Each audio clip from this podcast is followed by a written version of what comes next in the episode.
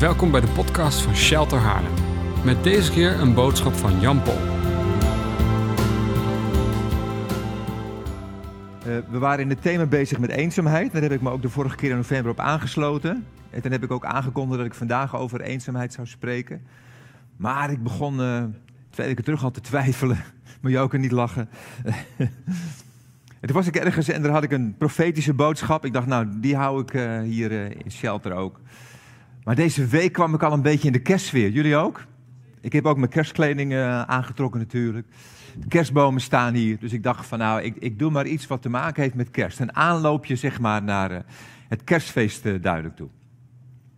En twee weken terug denk ik was M. Wie kijkt er wel eens naar M, het programma M? die mensen die naar M kijken? Weinig mensen. Nou, thuis wel, ja. Die, thuis zwaaien alle mensen, maar jullie hier kijken niet naar M. Een praatprogramma. En er waren een aantal BN'ers, bekende Nederlanders. En die hadden het met elkaar over hun lievelingsfilm die ze sommigen al 20, 25 jaar lang keken met kerst. Home Alone. Zijn hier Home Alone liefhebbers die zeggen ja? Ja. Wie, wie heeft er meer dan tien keer gezien? Zijn de mensen? Oh, zo oud ben jij niet eens, Jeroen, jongen. Ja, zijn, zijn er mensen met andere kerstfilms, noemen ze wat? Een, een mooie kerstfilm waarvan je zegt, nou, daar heb ik heel vaak naar gekeken. Niemand hier? Sisi, wie kent Sisi nog? Of ben ik zo oud? Ja, dat, was zo'n zo'n drieluik, hè? Dat waren drie films zelf. Daar keek je met kerst altijd naar. En wij keken met de kinderen wel, nou, hoe heet die maar eigenlijk, die, die tekenfilm? Zwelgje. Zwelgje keken we ook wel met kerst. Goed. Nou, achter elke film, of echter, achter elk theaterstuk, daar zit een script schrijven, een scenario schrijven. Dus iemand die een verhaal in zijn hoofd heeft, die schrijft dat op. Hè, dat noemen ze de scenario schrijver.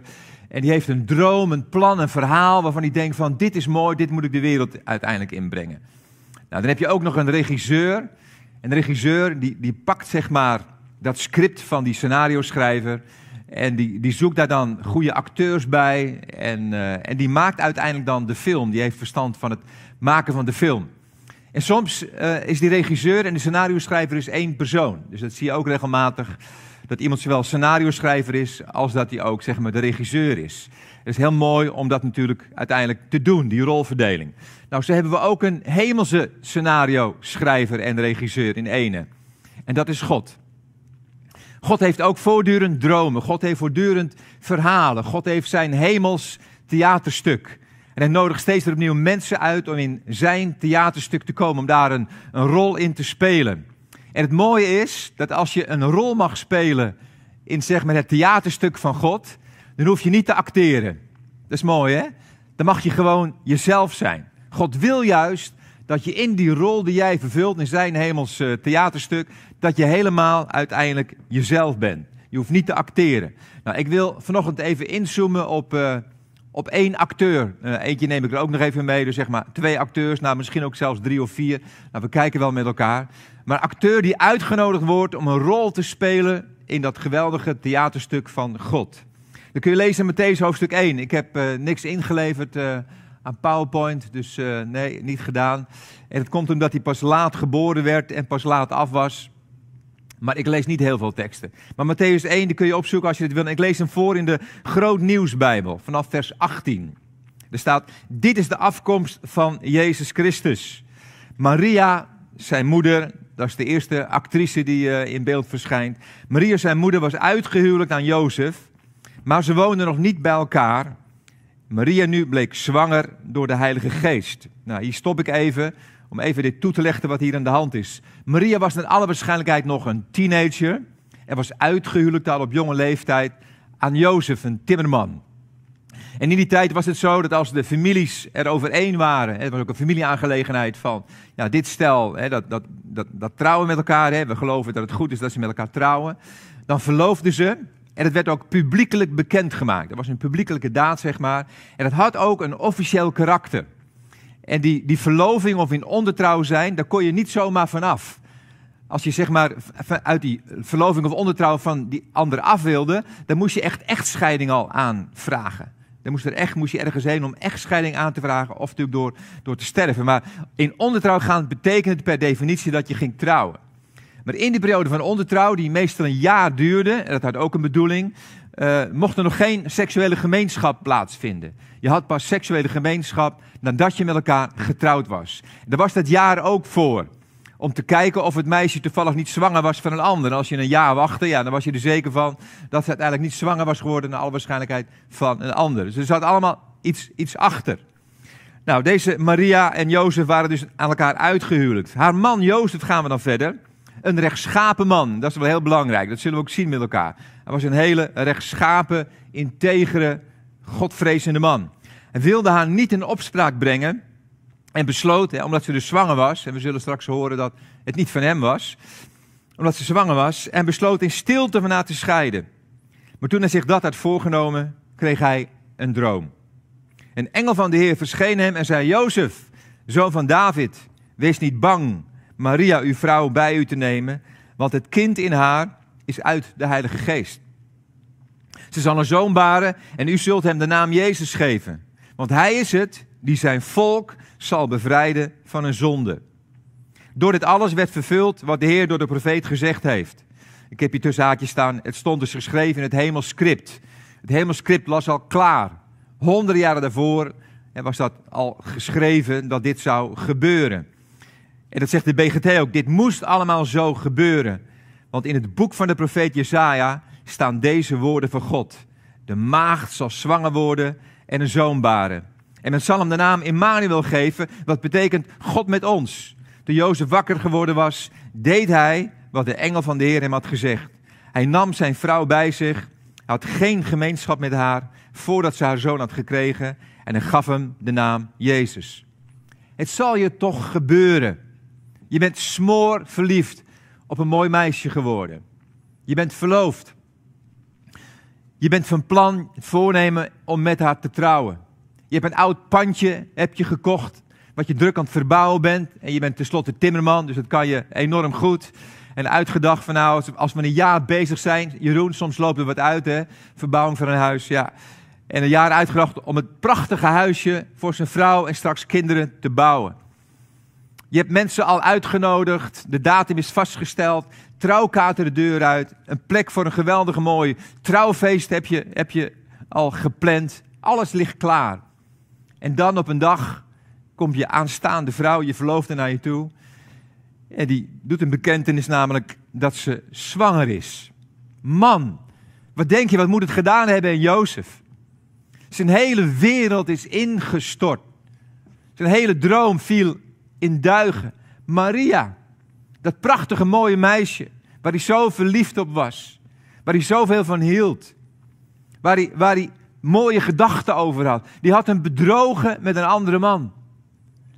Er zullen allerlei gevoelens van verdriet, maar ook van woede, van frustratie in hem opgestaan zijn. Hoe heeft ze dat kunnen doen? Hij heeft misschien gedacht, met wie is het dan gebeurd? Wie, wie kan het zijn? Misschien gekeken in zijn vriendenkring. Welke smeerlap heeft mijn meisje gemeenschap gehad met mijn meisje. Allemaal gevoelens door het leven van Jozef. Hij werd helemaal gek van die gedachte dat ze met een ander was geweest. En zijn droom van een mooie toekomst met Maria was veranderd in een nachtmerrie. Wat nu, wat moest hij doen? Hij hield zoveel van haar dat hij bereid was om de schuld op zich te nemen.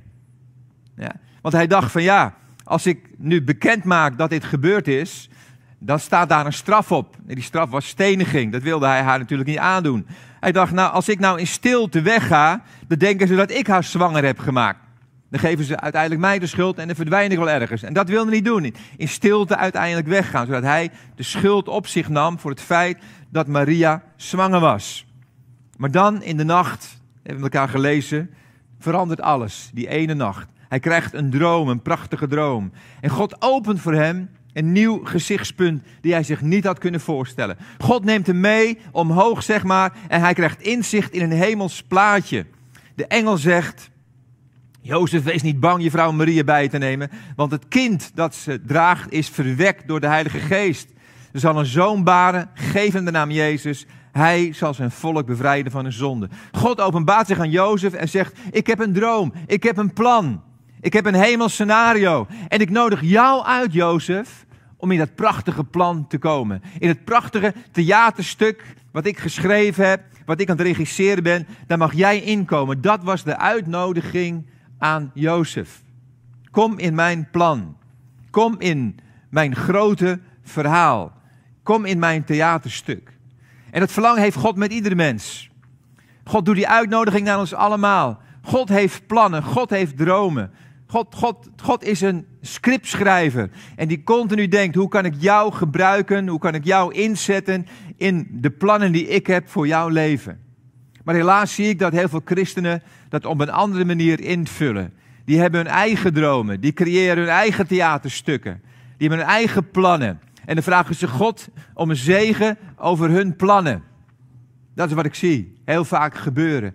Maar dat lees ik nergens in de Bijbel. Ik wil de uitdaging met je aangaan. Nergens zie ik dat God mensen stimuleert om hun eigen dromen na te jagen, om hun eigen plannen te maken die hij dan wel zal zegenen. Ik zie in de Bijbel alleen maar dat God initiatief neemt. God zegt: Ik heb een droom, ik heb een plan, ik heb een script. En ik nodig jou uit om in mijn plan te komen. En aan jou de keus. Dat doet hij met Abraham.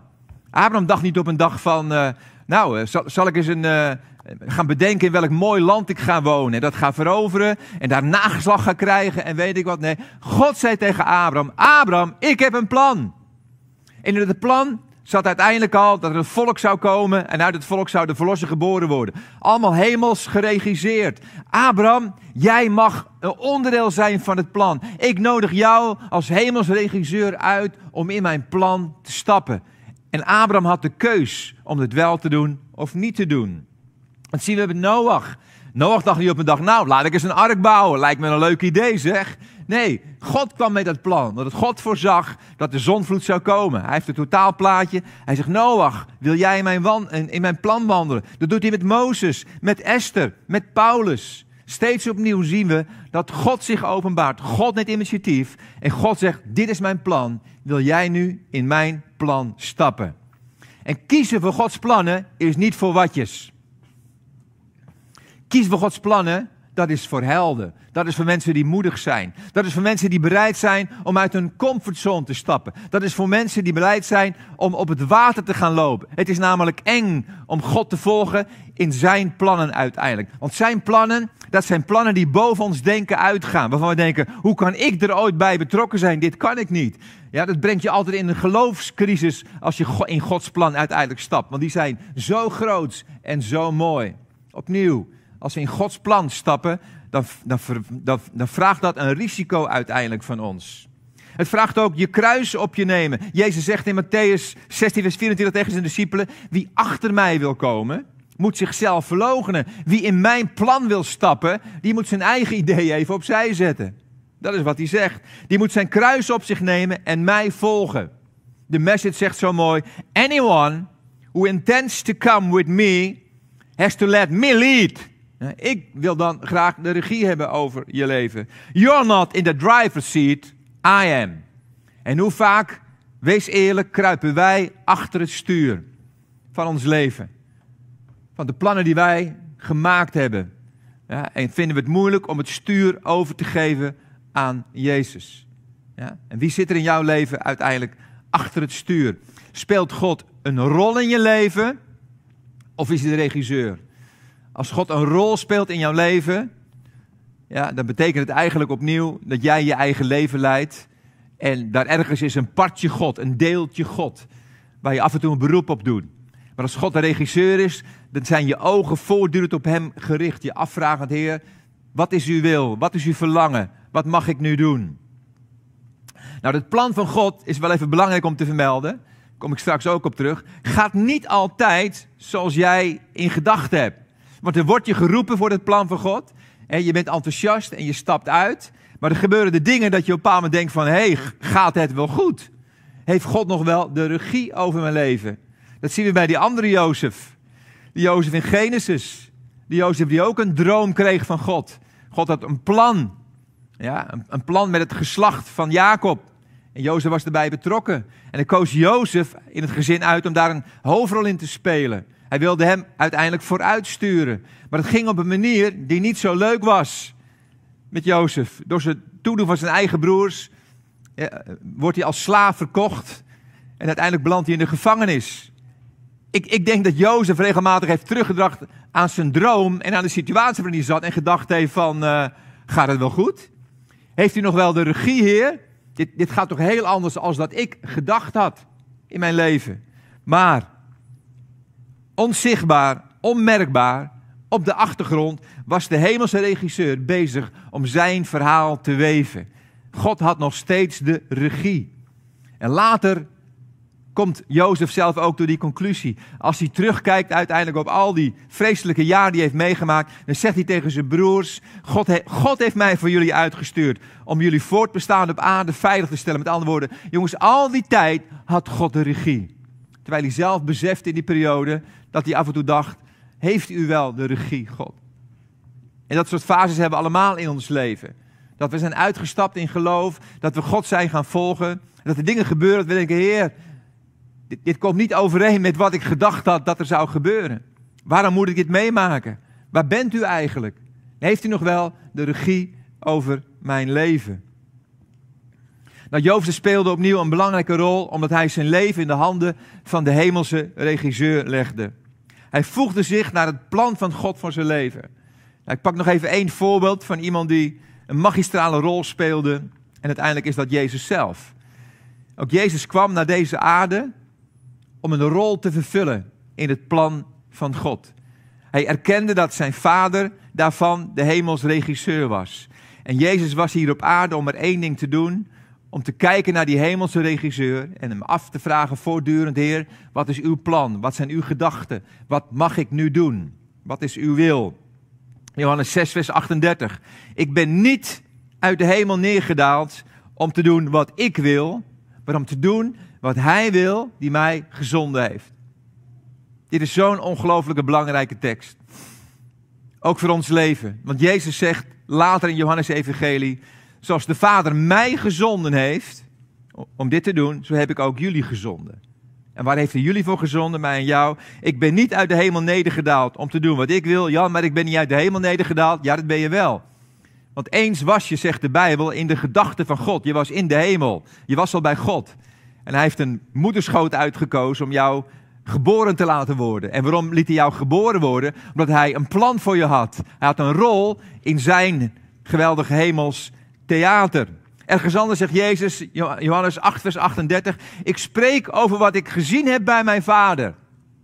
Dat is mooi. Dus hij gaat steeds opnieuw naar de vader toe, naar de regisseur. En die zegt, joh, dit moet je doen, dit moet je zeggen. Oké, heer. En hij vervult zijn rol. Nog een laatste tekst over Jezus, Johannes 5, vers 20. Wat de Vader doet, dat doet de Zoon op dezelfde manier. Dus steeds opnieuw keek hij, Jezus zelf ook, naar het script van God. En ook dat was niet een makkelijke weg, ook daar was moed voor nodig.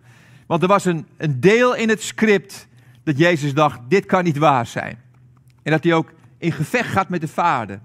Dat die vader zegt, laat deze beker aan mij voorbij gaan. Laat dit stukje van uw script, Heer, laat ik dat niet hoeven vervullen. Maar dan zegt hij uiteindelijk, Heer, niet mijn wil, maar uw wil geschieden. Heer, als dit past in uw plan, als ik dit moet doen, Heer God, dan omarm ik het en dan stap ik in dat plan wat u heeft met mijn leven. Nou, zo zijn wij geroepen opnieuw met die voetsporen van Jezus te wandelen. En Jezus deed het al op aarde, dat hij mensen uitdaagde om achter hem aan te gaan en een rol te spelen in zijn geweldig grote plan. Op een dag ziet, Petrus, eh, ziet Jezus Petrus en Andreas aan het vissen. En hij krijgt van de Vader door, die twee, ja, die mag je uitdagen en uitnodigen om een, om een rol te spelen in het hemels script, in het hemels theaterstuk. En hij zegt tegen ze, kom, volg mij. Ik zal van jullie vissers van mensen maken. Ook, ook zij krijgen de uitnodiging om Jezus te volgen. In het plan van God te stappen. En wat doen ze? Ze laten alles achter en geven de regie over aan het leven van Jezus. Drie jaar lang trekken ze met Jezus op. Drie jaar lang worden ze door hem ook getraind en worden ze door hem gevormd.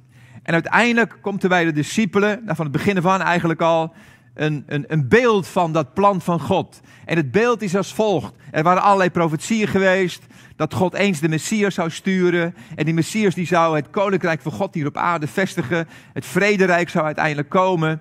Ja, alles zou goed worden. De onderdrukkers zouden het land uitgeschopt uh, worden. En, en God zou weer heersen.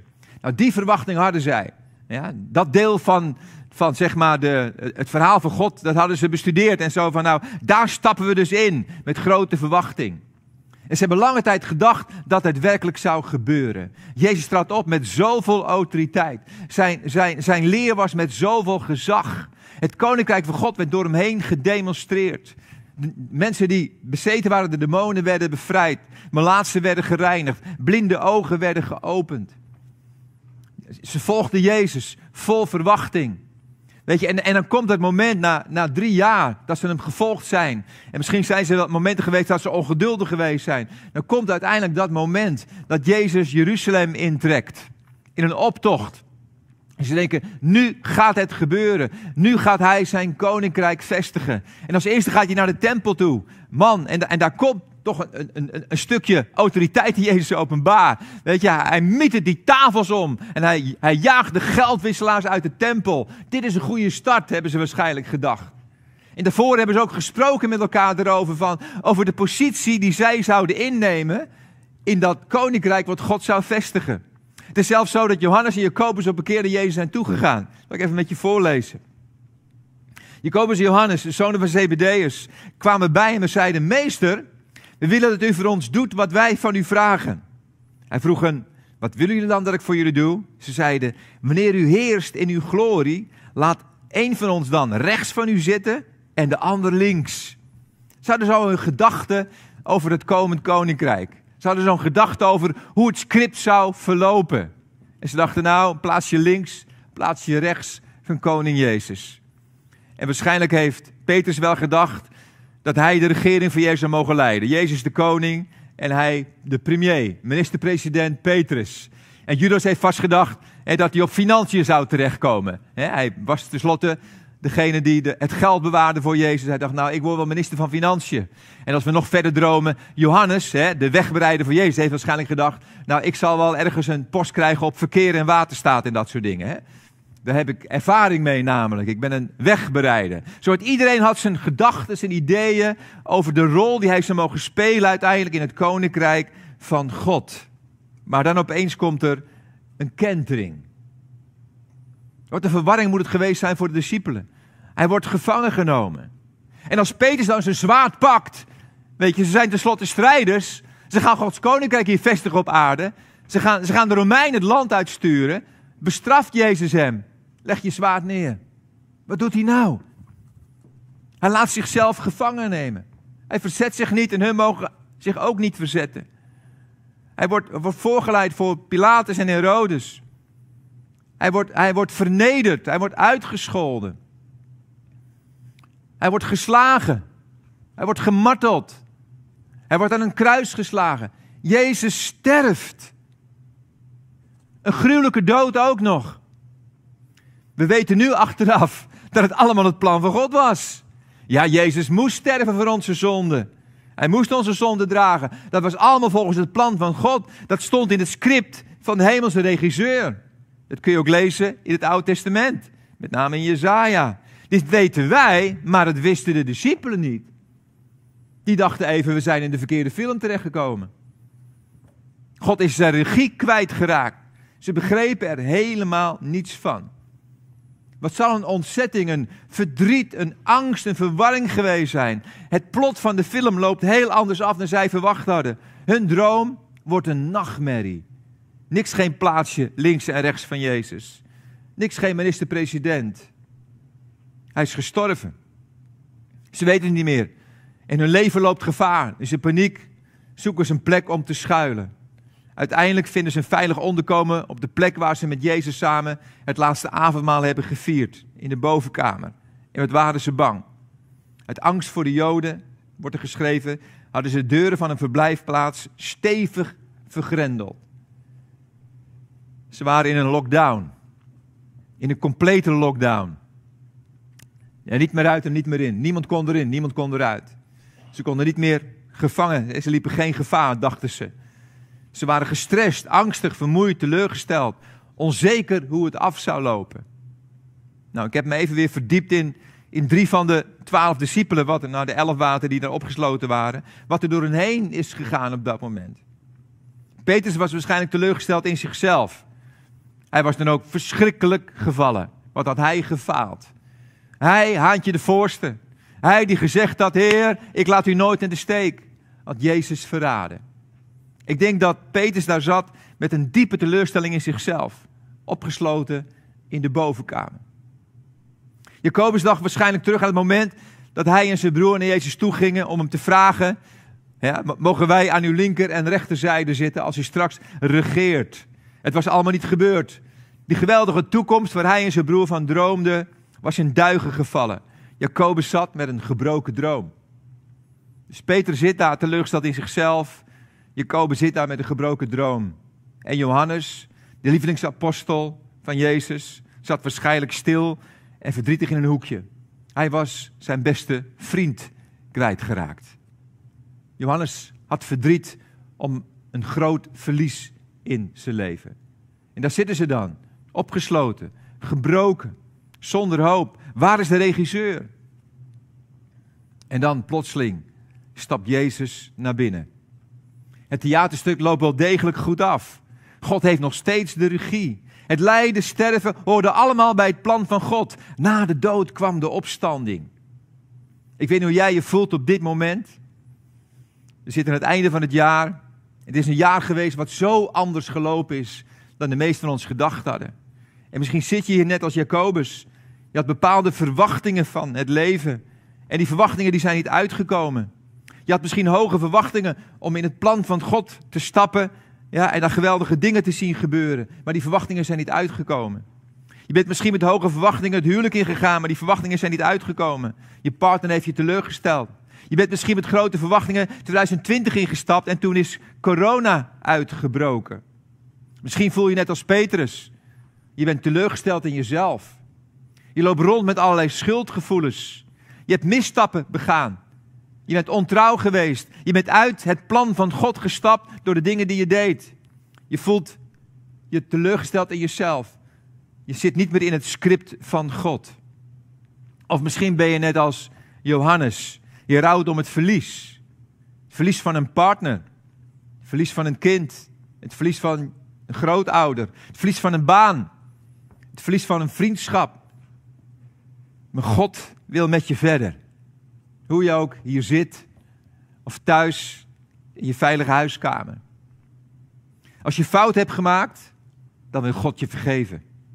Als je verdriet hebt, dan wil Hij je troosten. Als je pijn hebt, dan wil Hij je genezen. En als je een gebroken droom hebt, dan wil Hij die droom weer heel maken. Larry Crabb schrijft in zijn boek Gebroken dromen. Onze dromen worden niet zomaar gebroken zijn altijd een stukje van een grotere puzzel, een hoofdstuk in een lange verhaal. En Jezus wil vandaag jouw leven binnenstappen zoals hij het leven binnenstapte van de discipelen. Jezus toonde aan zijn discipelen zijn doorboorde handen. Het eerste wat hij zei is vrede en toen hij toonde zijn doorboorde handen. Daarmee zegt Jezus, zei Jezus twee dingen. Hij zei, kijk eens hoeveel ik van jullie hou. Dat is belangrijk. Weet je, als je je gefaald voelt, als je angstig bent, als er alles gebeurd is, dan wil je weer horen die stem van God die tegen je zegt, maar ik hou van je. Dat geeft al zoveel ontspanning, dat geeft zoveel rust in je leven. Het besef dat Jezus ondanks alles van je houdt. Ja, je hebt het verknald. Ja, je hebt domme dingen gedaan, maar ik hou van je. Dat is de reden dat hij zijn doorboorde handen laat zien. Ik heb je lief. En dat zegt hij ook tegen jou vanochtend. Ik heb je lief. Het kruis, de dood van Jezus Christus, is Gods finale, totale, volkomen uitdrukking van het feit dat Hij ons lief heeft. En Gods liefde is krachtiger dan al onze mislukkingen en tekortkomingen. Is krachtiger dan al onze zonden, teleurstelling en pijn. Maar er is meer. Weet je, die doorbonden handen zeggen nog meer. Die zeggen ook: Het is allemaal volbracht. Aan het kruis heb ik alles volbracht van jou. Je zonden zijn daar uitgewist. Je pijn en je verdriet, teleurstelling heb ik gedragen. Je wonden genezen en je gebroken dromen hersteld. De band mag naar voren komen. God schrijft ons nooit af. Hij kan stuk geslagen, gescheurde, gebroken, mislukte levens opnieuw in zijn handen nemen om er juist iets mooier en iets sterkers van te maken. God zegt nooit eigen schuld, dikke bult, ik schrap jou uit mijn script. Nee, hij geeft steeds weer een nieuwe kans. Hij geeft steeds weer een uitnodiging. Je kan opnieuw in mijn plan komen. Je kunt opnieuw in mijn droom komen. Je kunt opnieuw in mijn hemels theaterstuk komen. Je mag bij God komen met de scheuren in je leven. Met je falen, met je fouten, met de dromen die aan stukken liggen. God kan van de brokstukken van jouw leven weer iets moois maken. Hij wil vandaag aan jou zijn doorboorde handen laten zien. Heb jij de moed om je leven opnieuw in die doorboorde handen van de hemelse regisseur neer te leggen? Zullen we gaan staan met elkaar? Vader in de hemel, we willen samen zo u komen. Heer, we willen erkennen, Heere God, daar hebben we allemaal last van, ook ik. Soms heb ik er heel veel last van gehad, Heer. Dat ik zo mijn eigen weg wilde gaan, dat ik zo mijn eigen ideeën, mijn eigen dromen, mijn eigen plannen had, Heer. Heer, maar in uw liefde zegt u continu weer opnieuw, ook tegen mij, tegen iedereen, ik heb een plan voor jou, ik heb een droom voor jou. En geeft ons steeds opnieuw de uitnodiging. Wil jij in mijn plan voor jouw leven stappen? Wil jij in mijn hemels theaterstuk stappen? En ik bid op dit moment, Heer, als er mensen zijn die kijken, die dat misschien nooit zo concreet gedaan hebben. Heer, die vanochtend misschien tot de erkenning zijn gekomen dat ze eigenlijk altijd hun eigen leven hebben geleid, dat zij achter het stuur zitten. En dan bid ik op dit moment, Heer, wilt u deze mensen op dit moment die keus laten maken om te zeggen, Heer, ik wil het stuur loslaten en overgeven aan u. Heer, ik wil in uw hemels theaterstuk stappen. Ik wil niet mijn eigen plannen volgen, mijn eigen dromen najagen, Heer. Maar ik wil uw dromen najagen, Heer. Ik wil in uw plan voor mijn leven stappen. Heer, ik bid voor mensen, Heer, die zich misschien voelen zoals Johannes en Petrus en Jacobus. Die zitten met gebroken dromen, Heer. Die zitten met teleurstelling. Teleurstelling in zichzelf. Teleurstelling in anderen. Teleurstelling in u wellicht, Heer. Heer, ik bid, Heer, dat ze de moed zullen hebben om hun gebroken leven opnieuw in uw doorboorde handen te leggen. En erop te vertrouwen, Heer God, dat ze niet geschrapt zijn, Heer, uit uw script. Maar dat uw gedachten over hen nog steeds zo kostbaar, zo mooi, zo liefdevol zijn, Heer. Dat u ze opnieuw wilt gebruiken, Heer. In uw grote hemelse plan, in uw hemels theaterstuk. Heer, ik bid dat een ieder die kijkt op dit moment, vol overgave, de regie van zijn leven opnieuw in uw doorboorde handen zal neerleggen. Dat bid ik u zo, in Jezus' naam. Amen. Dank voor het luisteren naar onze wekelijkse podcast. De missie van Shelter is Gods Koninkrijk zichtbaar maken in onze wereld.